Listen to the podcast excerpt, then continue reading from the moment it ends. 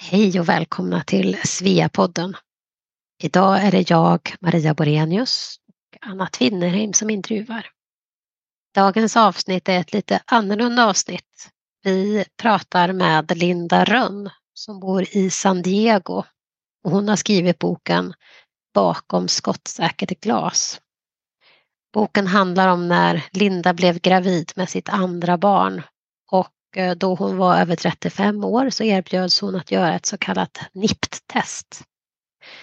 Testet visade att det fanns en risk för kromosomförändring.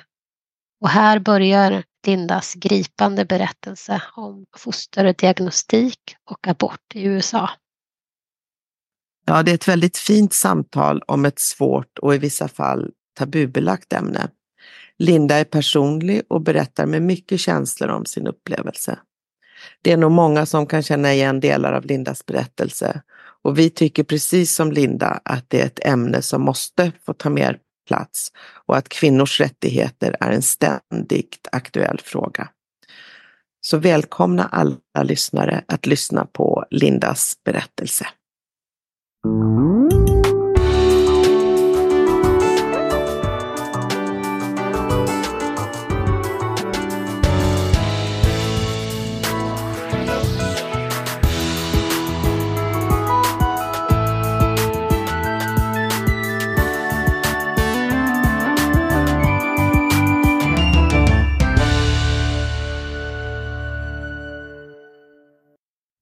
Jag heter Linda Rönn. Jag kommer ursprungligen från Emmaboda i Småland, men nu bor jag i södra Kalifornien i USA med min man och våra barn. Till vardags jobbar jag som dataanalytiker och projektledare för en läkargrupp i San Diego och jag har bott här i nästan 25 år nu. Jätteroligt att få prata med dig, Linda.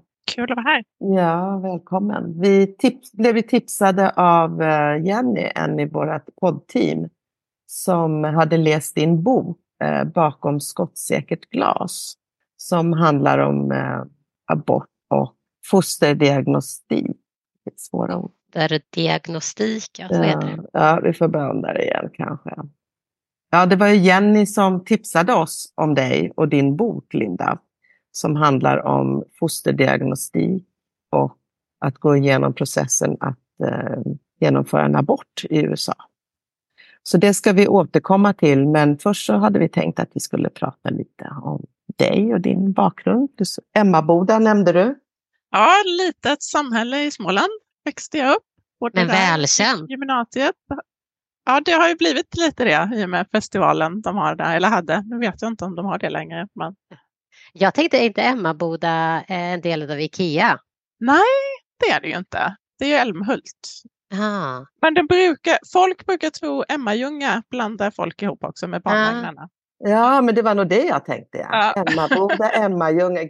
Ja, för det, det, är de här EA, Emmaboda, Agunnaryd trodde jag det var, men det är alltså inte. Ja. Nej, nej, du ser, Älmhult, då är jag med. Ja. Sorry. Vi har en järnvägsstation där också. Det brukar folk byta när de ska vidare också. Så brukar folk känna igen. Men det är ju ingen tvekan, för man hör ju att du är från Småland. Ja, jo, det har inte, för det har inte försvunnit på alla de här åren. Men vi har gjort lite efterforskning och vi vet ju då som sagt att du hamnade inte i San Diego där du bor nu från början, utan du hamnade i Maryland. Ja, jag ville ju, efter gymnasiet så visste jag inte riktigt vad jag skulle göra. Så jag visste att jag ville plugga vidare, jag visste inte vad. Och det var en kompis som skulle jobba som au pair i USA och så frågade hon om jag skulle följa med. Och då, det lät ju som en jättebra idé när jag inte visste vad jag skulle göra. Så då åkte vi dit och man fick det här brevet vart man skulle då sommaren innan och så öppnade jag brevet och så står du ska till Maryland. Och så tänkte jag, vad är det för någonstans? ja, vad är det för um, något? Ja, vad är det, det för någonting? Ja, det var en delstat. Så fick jag ta fram kartan och titta vad jag skulle. Och min kompis skulle till Virginia, så du vi hade hoppats att vi skulle vara nära varandra, men jag hade ingen aning om geografin där. Men det låg ju faktiskt jäm, jämte varandra. Så mm. uh, det blev ju bra till slut. Vilket år var det här? Det var hösten 97 åkte vi dit och sen kom jag tillbaka till Sverige igen hösten 98. Då. Man fick ju bara vara ett år på den tiden. Och det var väldigt viktigt att inte overstay your welcome, kommer jag ihåg. Nej, men precis. Det var liksom, man hörde ta skräckhistorier om sådana som hade gjort det och de skulle inte få åka in till USA på fem år, kommer jag ihåg. Ja. Vad gjorde du när du kom hem till Sverige? Jag kom hem då i oktober, tristaste, mörkaste tiden. Åkte till Emmaboda då, bodde med mina föräldrar och hade sökt in till universitet till våren. Men jag fick ju då, jag bodde ju då hemma några månader där tills universitetet uh, började då. Våren åkte jag upp till Uppsala, vilket för mig var ju jättelångt norrut. Jag hade ju knappt varit så långt norrut i Sverige. Men, uh, men det var kul. Jag gick där en termin, men sen kände jag att nej, men jag saknar USA. Så jag sökte redan till college medan jag gick i Uppsala. Kom in. Och hur kommer det sig att det blev San Diego? Varför sökte du dit? Jag ville på något nytt ställe, men jag sökte på lite olika ställen. Men det var, jag kom in och det lät lockande. Och vad jag ville, jag ville läsa internationella relationer började jag med då. Mm. Jag gick på ett litet universitet i San Diego. Jag transferred sen efter äh, första året. För det var ett internationellt universitet. Jag ville ha lite mer av den amerikanska erfarenheten och gå riktigt universitet. Mm. Jag transferred till San Diego State University och fick hela den traditionella upplevelsen där. Ja, härligt. Jag har faktiskt två kompisar som har gått på San Diego State. Ja, okay. ja. Ja. Är det ett stort universitet eller hur stort är det? Ja, det på den, typ ungefär 30 000 studenter var det väl då. Nu vet jag inte. Mm. Och där blev du kvar i San Diego. Du träffade din man, din amerikanska ja. man där. Ja, jag läste ju först då kandidatexamen och sen fick man ju då jobba ett år efter på visum. Ja. Så då gjorde jag det. Och sen så ville jag inte åka hem heller efter det. Så då stannade jag och tog min masters. Och sen ville jag inte åka hem efter det heller. Så då, så då hittade du en man? ja, jag nej, faktiskt inte. Jag hittade ett jobb som var villig att sponsra mig. Ja, uh, så jag fick jobbvisum på egen hand faktiskt. Uh, men sen träffade jag min man och sen gifte vi oss och sen så fick jag green card. Och han var inom militären och var stationerad i San Diego, var det så? Ja, precis, precis det stämmer. Han var officer då, men han visste att han skulle sluta. Men han var fortfarande med när vi träffades. Så vi träffades hösten 2007 och sen han var klar då med flottan våren 2008. Det tyckte jag var bra dock. Så han slapp vara deployed och resa runt och så. Så han blev kvar. Mm. Har du någon erfarenhet? Vi har den här Svea-podden då såklart. Det är alltid roligt. Ja. Har du någon erfarenhet av Svea? Eller har du någon relation till Svea? Jag är ganska ny medlem. Uh, Välkommen. Jag har upptäckt och jag har en kompis. Hon är lärare på Svenska skolan här i San Diego. Finns det en svensk skola? Ja, det finns en svensk skola. Uh, mina barn har inte gått där dock, tyvärr. Det har inte riktigt funkat med schema när man jobbar heltid och så. Men så då fick jag reda på en Svea och jag har inte gått på några event än, men vi håller på att planera att vi kanske ska göra något med min bok och det är lite svårt som sagt att få ihop schemat när man jobbar heltid och har två barn. Men uh, jag är glad att det finns så att jag hoppas att kunna vara mer aktiv framöver. Och jag har skrivit några artiklar för Svea Forum också. Kul! Jag tycker det är jättekul att ha kontakten med det svenska Ja, språket. det är det. Och så. Jag blev jätteglad när jag upptäckte att Svea fanns i San Diego. Kul. Ja, men då får vi lägga in länkarna till dina artiklar i, när, vi, när det här avsnittet publiceras. Pratar du svenska med dina barn? Ja, det har ju gått sådär. Jag har ju tänkt det från första början varje gång och sen så har, ja, nej, det, de förstår. De pratar inte jättebra. Och jag tänkte när min son föddes, nu men nu den här gången ska jag, ja det gick ju sådär också. För de kom i den åldern när de, de mina barn har gått på dagis eller då förskola från sex månader. Så då är det engelska hela dagarna och så kommer de hem och så vill de inte att mamma ska prata svenska med dem och jag blir för trött av att tjafsa med dem. Men jag har inte gett upp. Vi försöker. Min dotter nu håller faktiskt på med Duolingo och är väldigt inne i det. Så hon är intresserad nu. Så jag hoppas. Jag har inte gett upp kampen om svenskan. Men det var, det var lättare sagt än gjort. Ja, men det är mer än bara språket. Bara du gör lite semlor och sånt till dem. Ja, ja. Alla högtider gör vi ju. Så att Lucia och advent och allt sånt. Så att, och vi åker ju till Sverige så ofta vi kan. Så, så. Och mormor var här nu över julen. Och... Ja, Hur ser det liksom ut med svenskar i området annars? Liksom? Bor det, finns det ett svenskt community i San Diego? Ja, det finns ju ändå en del. Och min kompis som jag då åkte med som au pair från första början, hon är också kvar och hon är också i San Diego.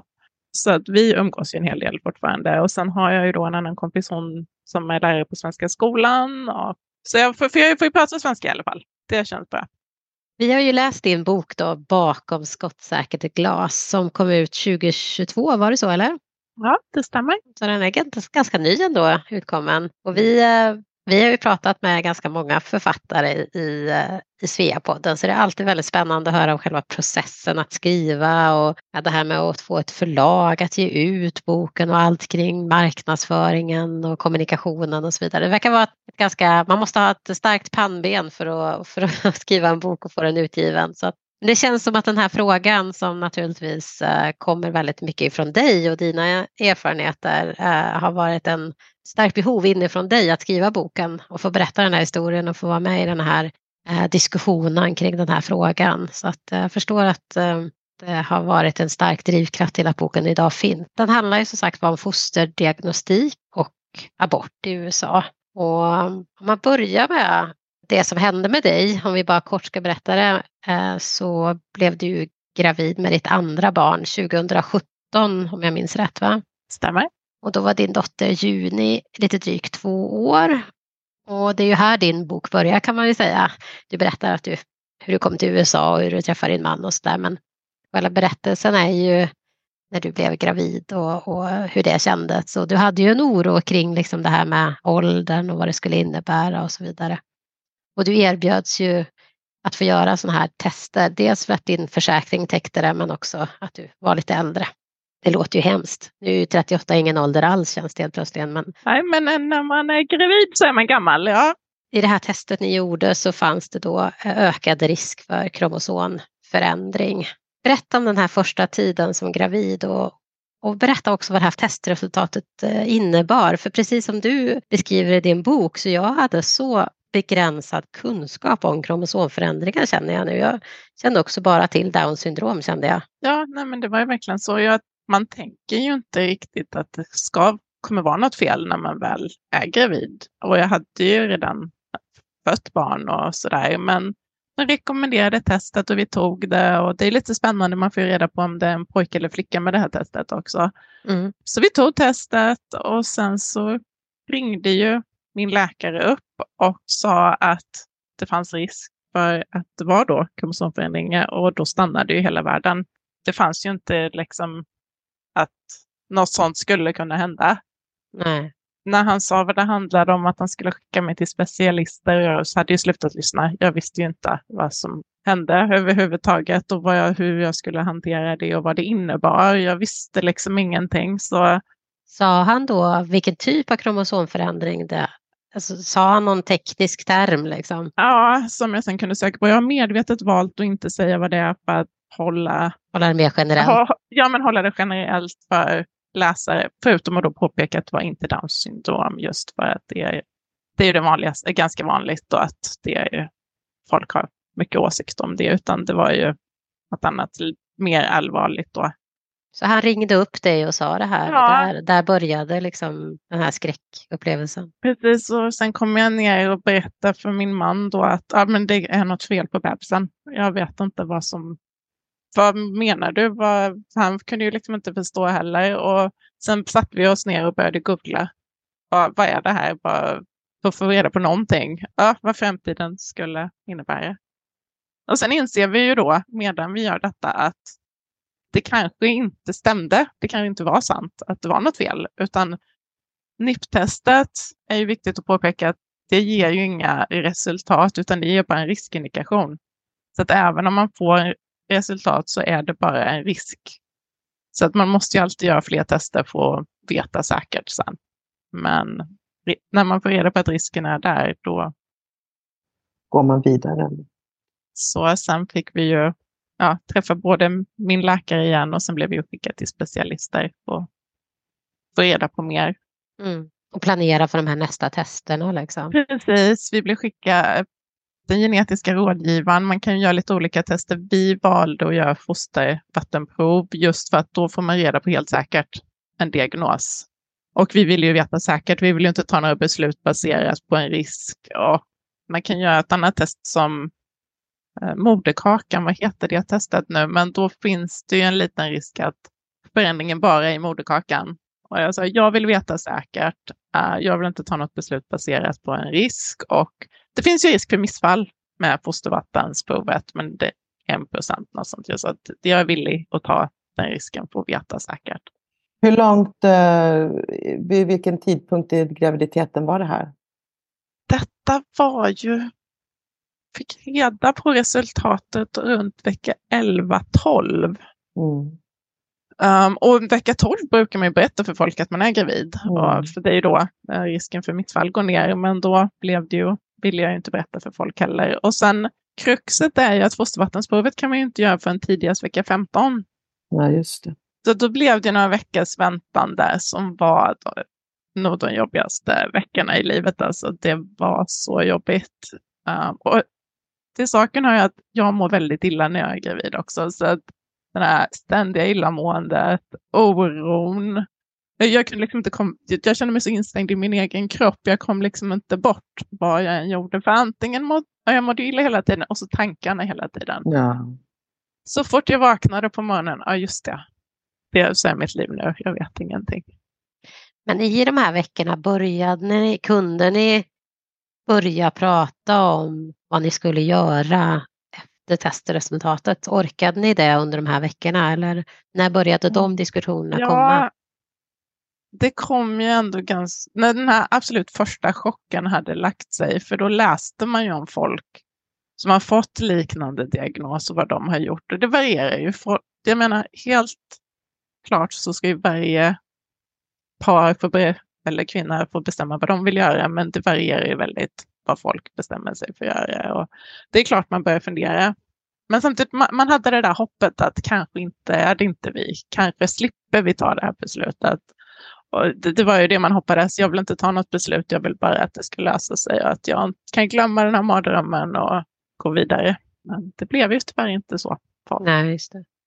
För sen var det då det här andra testet som visade, där fick man också ganska tydligt liksom, vad är det för typ av problem som det här fostret har och vad skulle det innebära för barnet om det föddes? Precis, de sticker in då och tar av den här vätskan, fostervattensvätskan och de gör ultraljud och då ser de ju också att förmodligen har fostret ett hjärtfel också. Så att då ville de ju, ja men kom tillbaka och gör ekokardiogram, jag vet inte vad det heter på svenska, men att vi skulle komma tillbaka för fler tester för hjärtat senare då.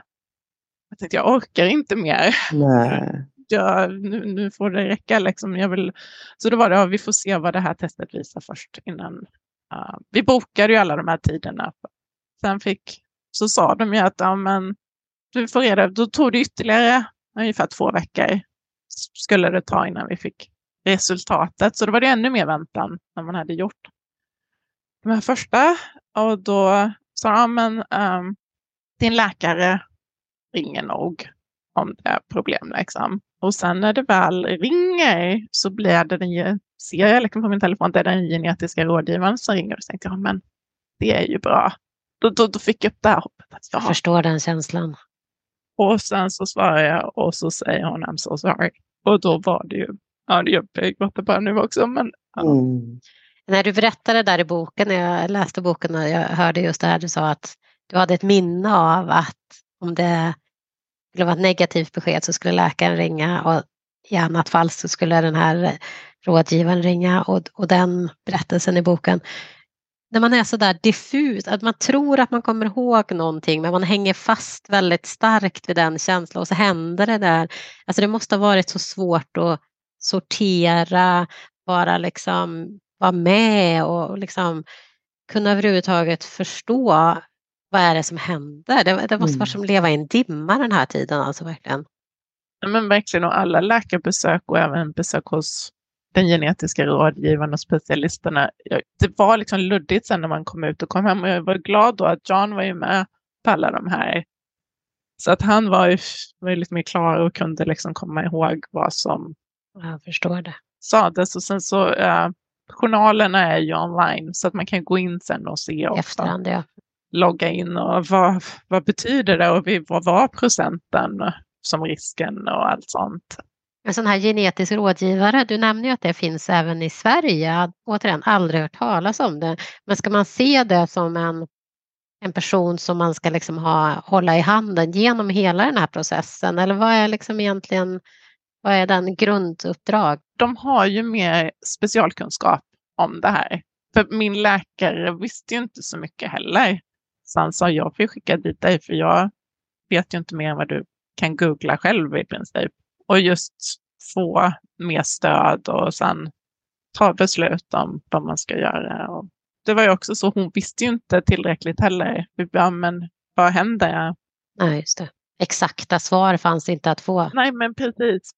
Det är så väldigt stora beslut såklart och då var den som berättar grunderna till de här besluten, eller man säger, måste, det är ju ett sådant ansvar. Men efter en eh, lång, när ni fick det här andra då, eller liksom svaret från de andra testerna och ni förstod omfattningen på de problemen som fanns, så valde ni att göra abort?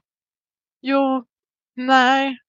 Vi fick beskedet, då var jag säker, eller då, då var det ingen tvekan för mig. Jag kände, nej men det gör vi. Och jag sa det till John också, nej men jag vill att vi gör abort. Och han sa, ja, men självklart.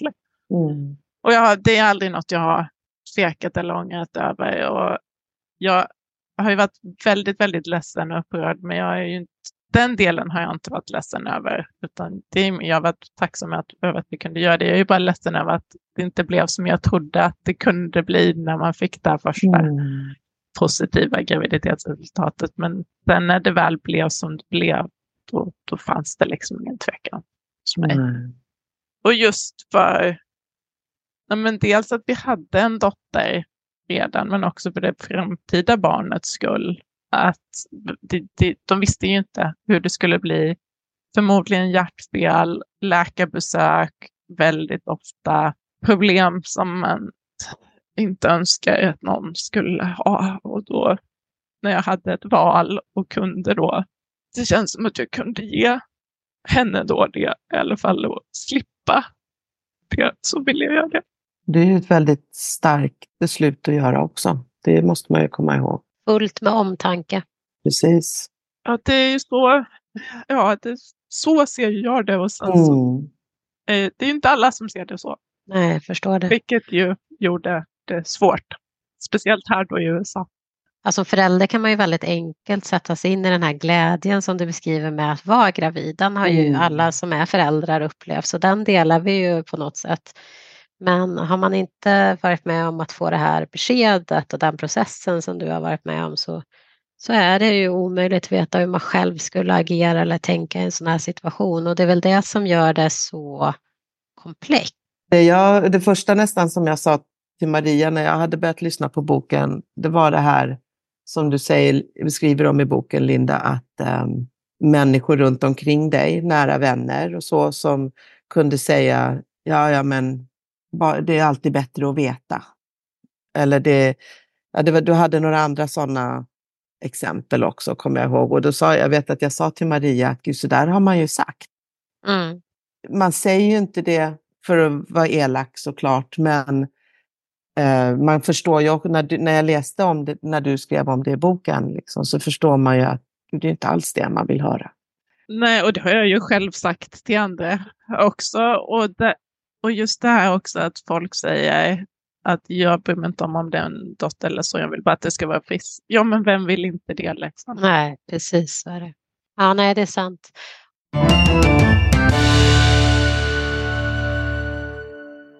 Är du en svensktalande kvinna som bor eller har bott utanför Sveriges gränser? Då är Svea föreningen för dig. Ta chansen att bli medlem i ett globalt nätverk med över 6 000 svenska kvinnor. Vi har över 70 avdelningar i 33 olika länder. Så gå in på svea.org där du kan hitta alla våra olika avdelningar och bli medlem idag. Där kan du också läsa om allt intressant vi har på gång.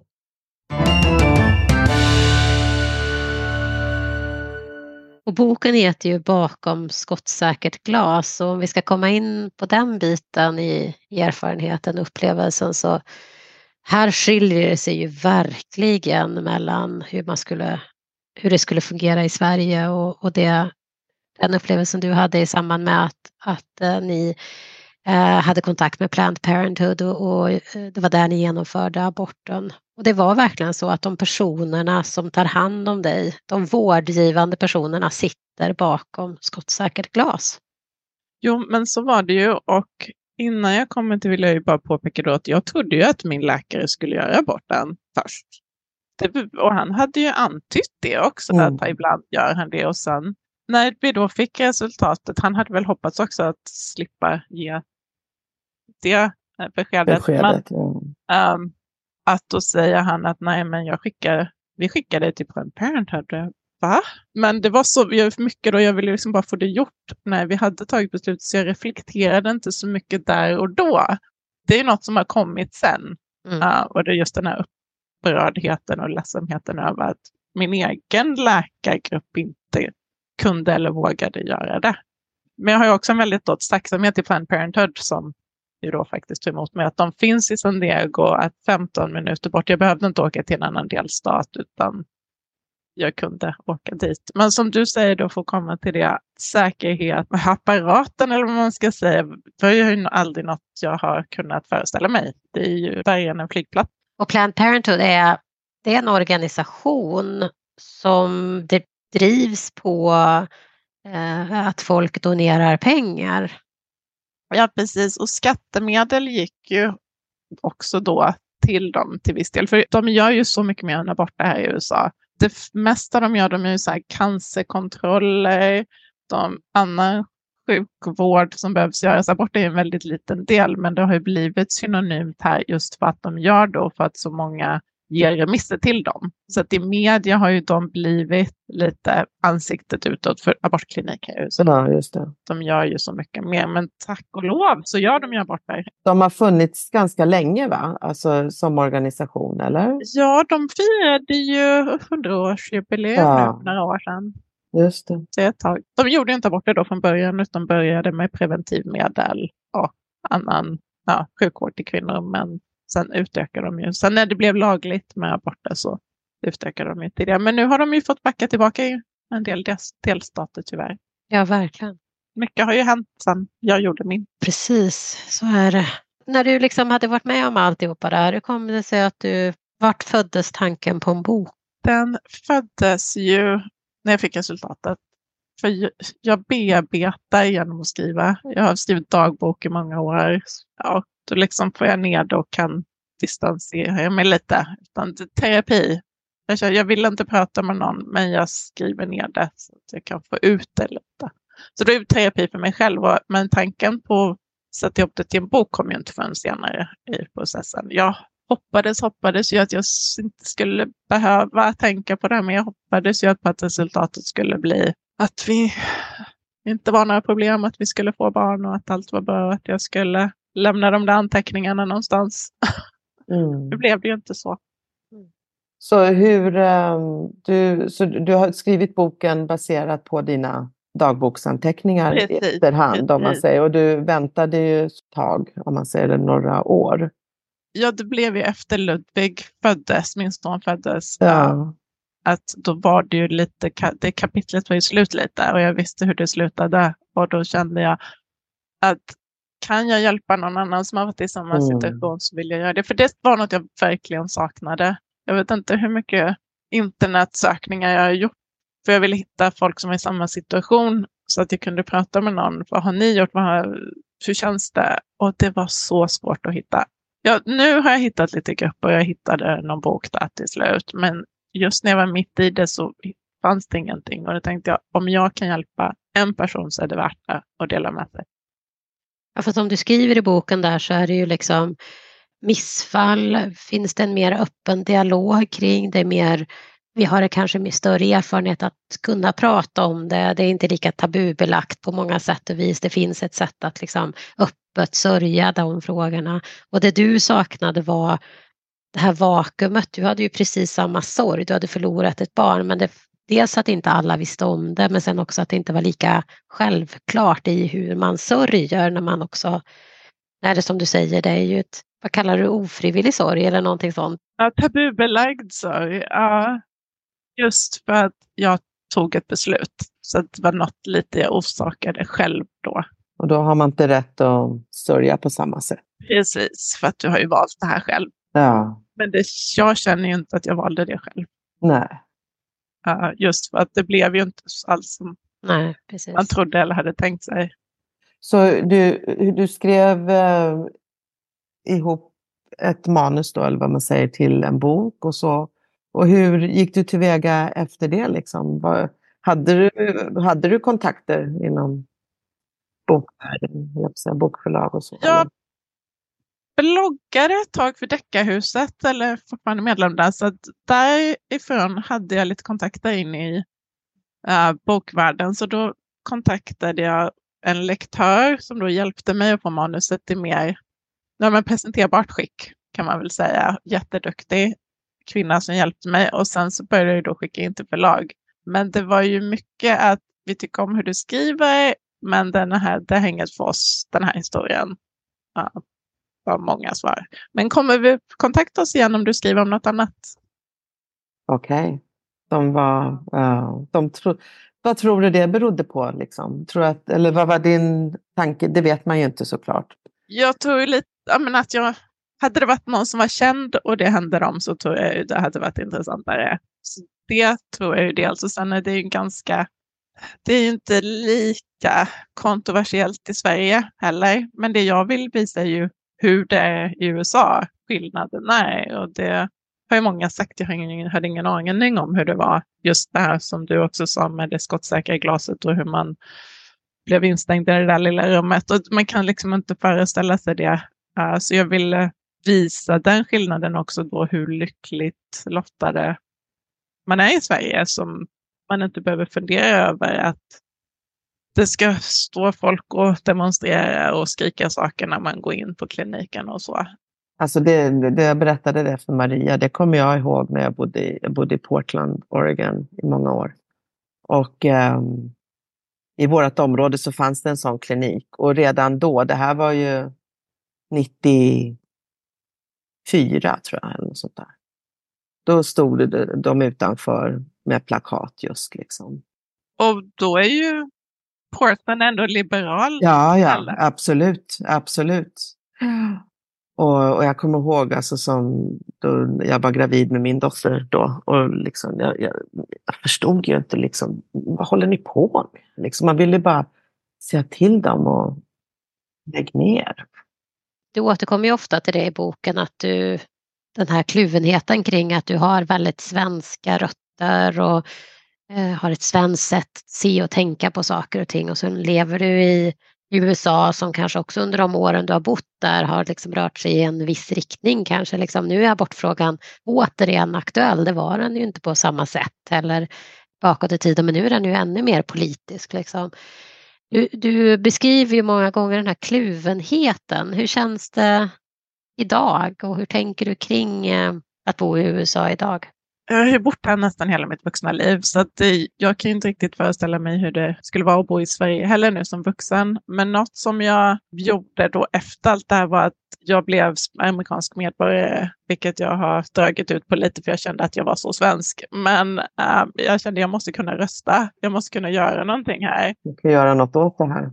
Om jag ska bo här så måste jag ju ta del av allt. Liksom. Så det var ju något jag konkret gjorde då. Och jag känner ju också att jag vill ju inte flytta till en delstat som är mindre liberal än vad Kalifornien är då.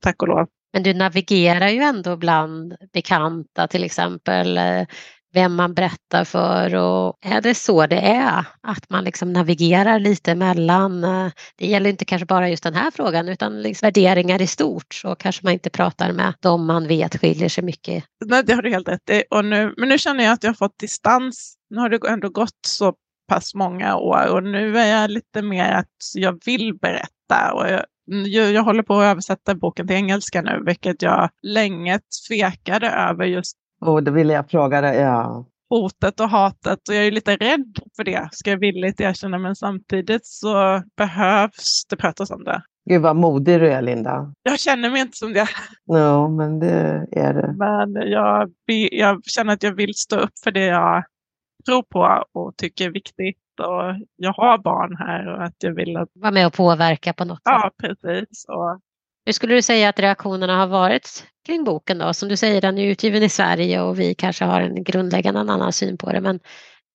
eller hur skulle du säga liksom, att dina, dina amerikanska kompisar reagerar när du säger att du har skrivit en bok om det här? Liksom? Va?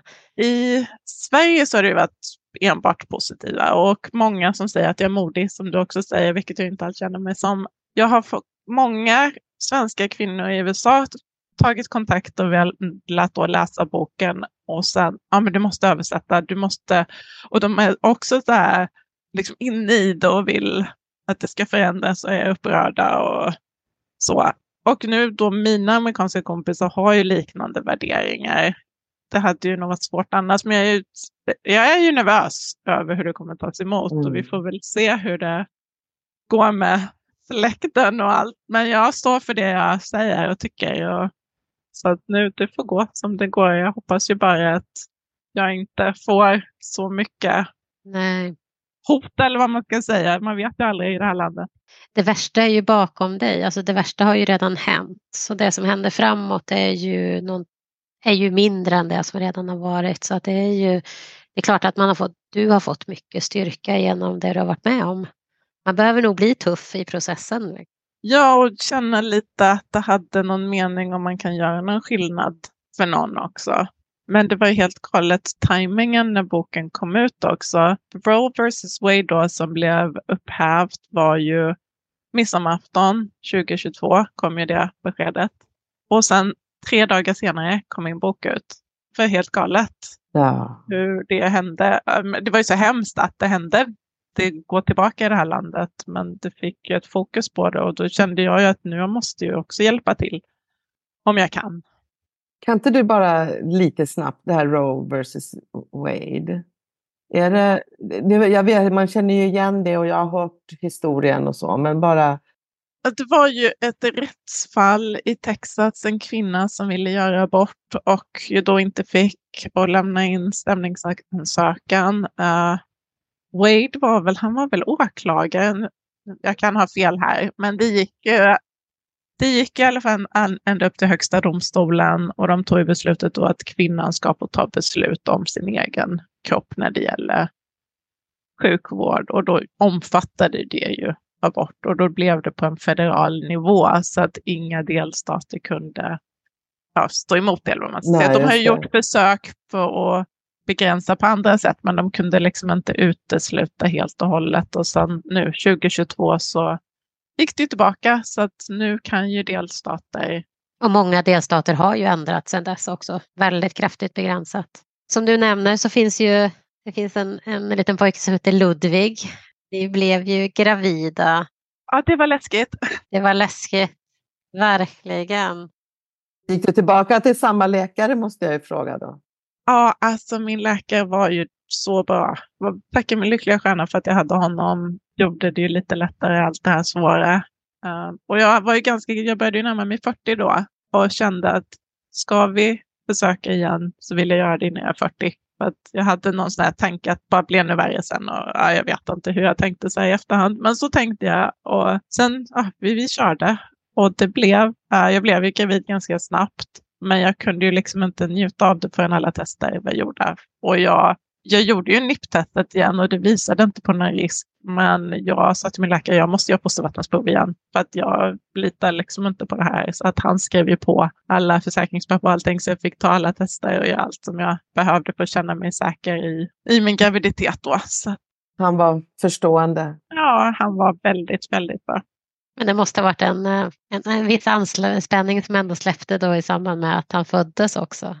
Ja men gud var det ju när han kom ut och jag höll honom och jag bara kände det här var liksom slutet på den här resan lite. Mm. Ja och nu kan jag ju liksom inte föreställa mig att jag skulle ha ett liv utan honom. Men Nej. att jag skulle behöva gå igenom allt det här för att få honom. Men hade, hade det blivit annorlunda hade man ju tänkt på ett annat sätt. Så är det ju alltid i livet. Ja, men så är det ju. Och man vet ju bara det som händer. Precis. För det är ju ändå ett år utav, eller det hela den tiden som du skulle ha varit gravid och som tills du fick barn, skulle ha fått ett barn. det var ju en, du beskriver ju i boken vilken eh, process det verkligen var, ett sorgeår. Ja, men hela, hela 2017, jag vet alla tårar, jag grät ju hela tiden. Ja.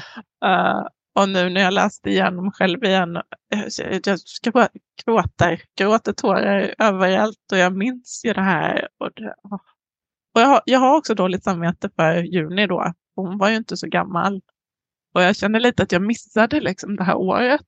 Mm. När hon var i den åldern. Jag kunde liksom inte vara där för henne då. Så det, det känns lite jobbigt i efterhand att men man är bara människa. Precis, man är faktiskt bara människa. Och hon har ju en bra pappa som ja. verkligen tog hand om allt. Då, att, och det är inte något hon är medveten om. Det är mina hjärnspöken. hon, hon vet ju inte heller något annat. Precis. Nej, det är mycket mer än bara just det som hände som har påverkat tankar och allt. Mm. Men jag är glad över min familj som jag har nu i alla fall. Ja, såklart. Vi eh, brukar ju alltid fråga våra gäster om eh, de har ett livsmotto. Och i det här fallet så känns det som att, ja, som du säger, du har skrivit mycket dagböcker och så. Jag kan tänka, du kanske har någonting sånt som, eller det kan, eh, det kan vara ett tips, höll jag på att säga, skriv.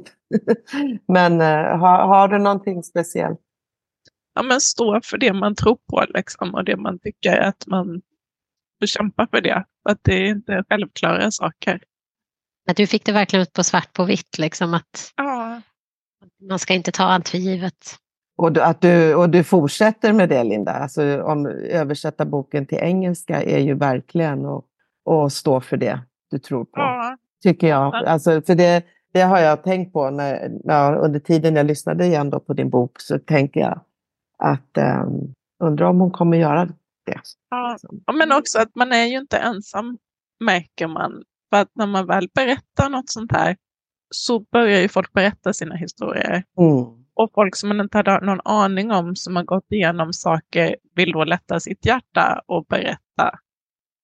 Och man önskar ju att det vore öppna och att, man, att folk inte kände att de måste dölja sina historier. Men just att man kan vara lite mer öppna och förstående. Men...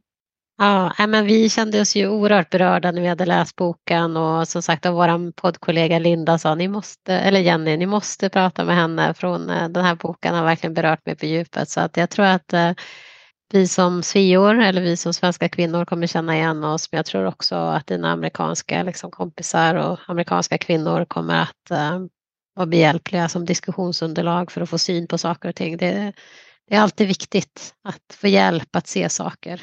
Eh, och sen bestämma sig för om man vill vara med och förändra eller inte. Och det är ju ett land som många känner till. Alltså USA är ett land som vi känner väl på ytan men det är alltid svårt att veta. Förstår man kulturen på djupet liksom? Det är inte samma ja, sak. Verkligen. Det är helt rätt. Och nu i år är det ju presidentval igen så nu kommer ju all, allt, allt upp till ytan igen. Och när man ser Trump på nyheterna igen så det kommer ju tillbaka. Ja, ja, ja visst så är det verkligen. Nej, det, herregud vad tiden går fort mellan de här valen känns det som. Ja, det gör ju det. Men nu får jag rösta i alla fall. Så. Ja, vad bra. Rösta för alla oss. ja. Nej, men jag, för jag måste bara säga, den här, din bok, det skulle vara...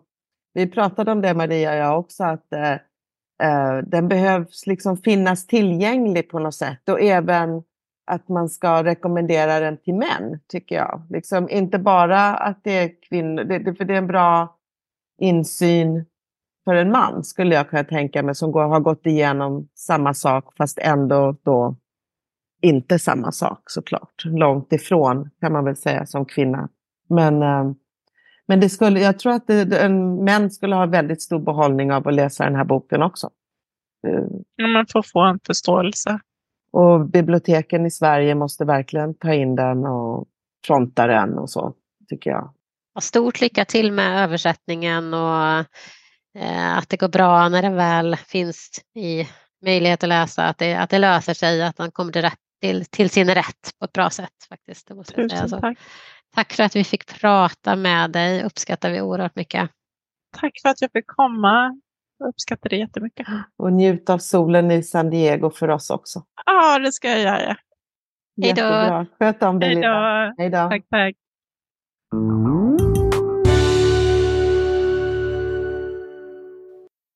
Den här podden är inspelad och producerad för Svea International. Alla vi som på olika sätt är involverade i produktionen gör detta som en del i vårt frivilliga engagemang i Svea. Om du vill tipsa oss om en intressant svensk kvinna med utlandserfarenhet som du tror skulle passa i vår podd, mejla oss på sveapodden svea.org. Sveapodden finns på de allra flesta platser där du hittar poddar, såsom Spotify, iTunes, Google Podcast och Acast. Du kan även följa oss på sociala medier. Vi finns bland annat på Facebook, Instagram och LinkedIn. Där hittar du oss under namnet Svea International. Mer information om Svea kan du hitta på vår webbplats svea.org. Musiken i detta avsnitt är skriven för Svea av Fredrik Åkerblom. Tack för att du lyssnat!